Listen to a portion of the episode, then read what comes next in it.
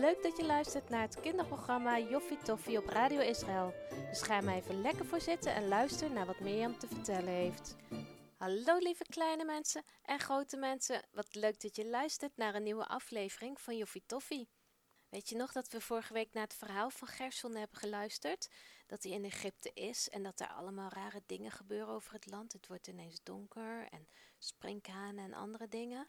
We gaan zo verder lezen over hoe het verder gaat met Gerson. Maar ik wil nu nog even iets meer vertellen over de drie feesten met, die we met Pesach vieren. Pesachfeest zelf, het feest van de ongezuurde broden en het feest van de eerstelingen. En die laatste wil ik nu iets meer over vertellen. In de Bijbel, in Leviticus 23, vers 10, staat het volgende. Zeg tegen de Israëlieten, wanneer jullie eenmaal in het land zijn dat ik jullie zal geven en je daar het oogst binnenhaalt, moeten jullie de eerste schoof van de gerstoog bij de priester brengen. En de priester moet de schoof ten overstaan van de Heer omhoog heffen, opdat die als offer zal worden aanvaard. De priester moet de schoof omhoog, hef, omhoog heffen op de dag na de Sabbat. En welke dag is de dag na Sabbat? Ja, dat is zondag bij ons. En bij de Israëlieten was dat de eerste dag van de week. Dus in, anders in de Bijbel staat dat dat de eerste dag na de Sabbat in de paasweek moet zijn. Of na de paasweek, dat weten we niet precies. Maar in ieder geval wordt dan het feest van de eerstelingen gevierd. En jullie weten dat Jezus Yeshua ook tijdens het paasfeest is overleden. Maar wat nou zo toevallig is, is dat hij op zondag, op het feest van de eerstelingen, opgestaan is uit de dood. En er wordt ook wel gezegd dat Jezus dus als eerste is opgestaan en eigenlijk de eersteling is, de eerste die dood is opgestaan en de dood heeft overwonnen.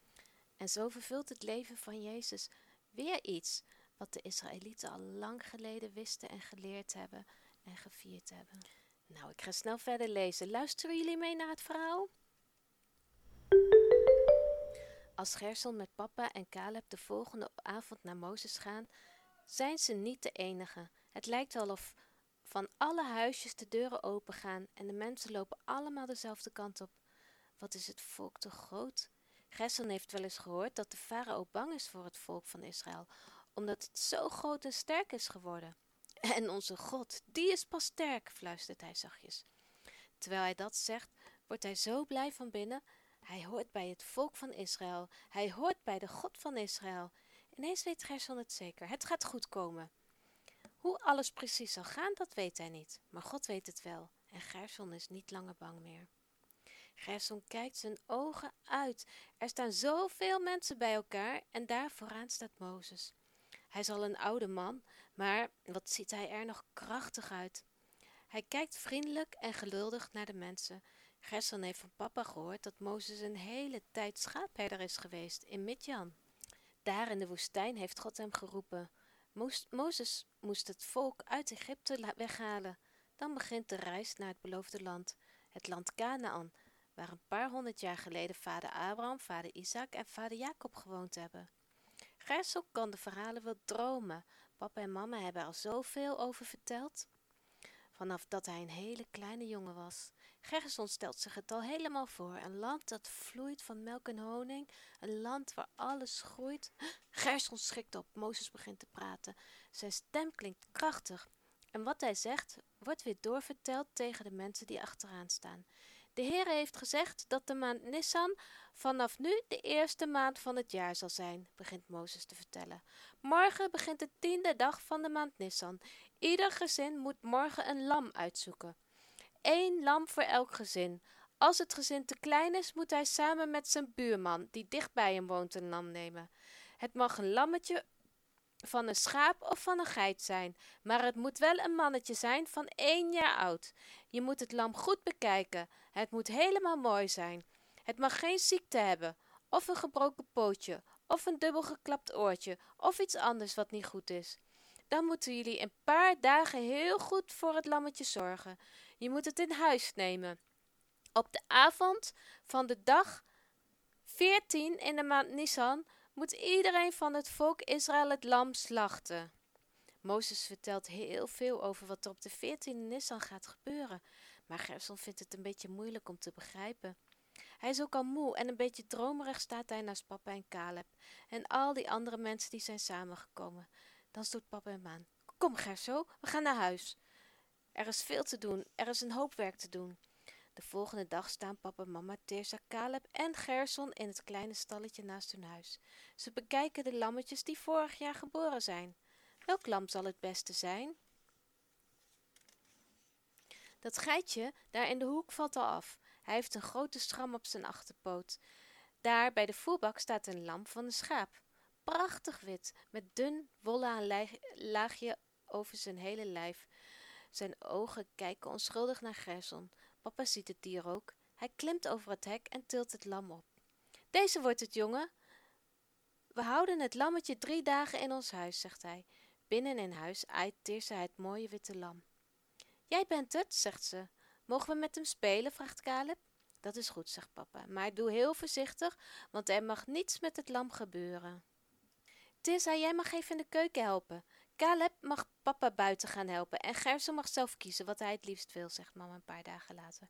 Wat gaat er gebeuren dan? vraagt Teersa. We gaan in de keuken een heel bijzondere maaltijd klaarmaken en papa zal vanmiddag, als het bijna donker wordt, het lam slachten.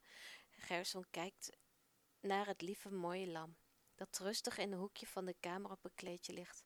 Papa ziet hem kijken en zegt, Gerson, vind je het moeilijk dat we het lam gaan slachten? Gerson kijkt verdrietig en knikt. Zal ik het jullie uitleggen waarom dit moet gebeuren? vraagt papa. De kinderen knikken. De Heer heeft gezegd dat er iets heel ergs gaat gebeuren in het land Egypte als het donker is. Zal, als het donker is, zal de Heer samen met een engel door het land gaan. En in alle huizen zal de oudste zoon sterven. En ook van die dieren zullen de eerstgeboren dieren sterven. Tirza kijkt verschrikt op. Gaat dat ook bij ons gebeuren? vraagt ze. Papa slaat zijn arm om heen. Nu komt er iets heel belangrijks, dus luister goed. De Heere komt ook hier, in het kamp van de Israëlieten, maar hij heeft gezegd dat we het lam moeten slachten en het bloed op onze deurposten moeten smeren. Als we vanavond binnen zijn, zijn we achter het bloed van het lam. En als de Heere het bloed van het lam ziet dat op de deurposten zit, dan gaat hij met de engel voorbij. Het is een poosje heel stil in het kamertje en dan zegt Caleb iets met tranen in zijn ogen. Dus het lam gaat sterven in mijn plaats. En in mijn plaats, zegt papa zacht, want ik ben de oudste zoon van jullie opa en oma. Die middag gaat Gerson met Caleb en papa mee. Papa draagt het lam en Caleb heeft een grote schaal bij zich. Gerson, pluk jij daar naast het huis even een paar stengels van op? Dat is een mooi klusje voor Gerson. Als hij samen mama helpt met koken, moet hij soms ook wat kruiden plukken. Hij plukt een bosje van de mooie plant met een paars bloemetje en rent naar papa toe. Dan slacht papa het lam en vangt het bloed van het dier op in de schaal. Gerson voelt zich verdrietig, maar hij denkt ook aan wat papa verteld heeft. Hij geeft het bosje hyssop aan papa en papa doopt het in de schaal en hij smeert het bloed langs de zijposten en de bovendorpel van de deur. Oh, wat is het allemaal spannend weer allemaal. Volgende week ga ik verder vertellen. Luisteren jullie dan weer? Dit was Joffie Toffie, het kinderprogramma van Radio Israël. Wil je nog graag iets kwijt? Stuur ons dan gerust een berichtje op joffietoffie.radioisrael.nl De presentatie was in handen van Mirjam en we vonden het joffie tof dat je luisterde en hopen dat je er volgende keer weer bij bent.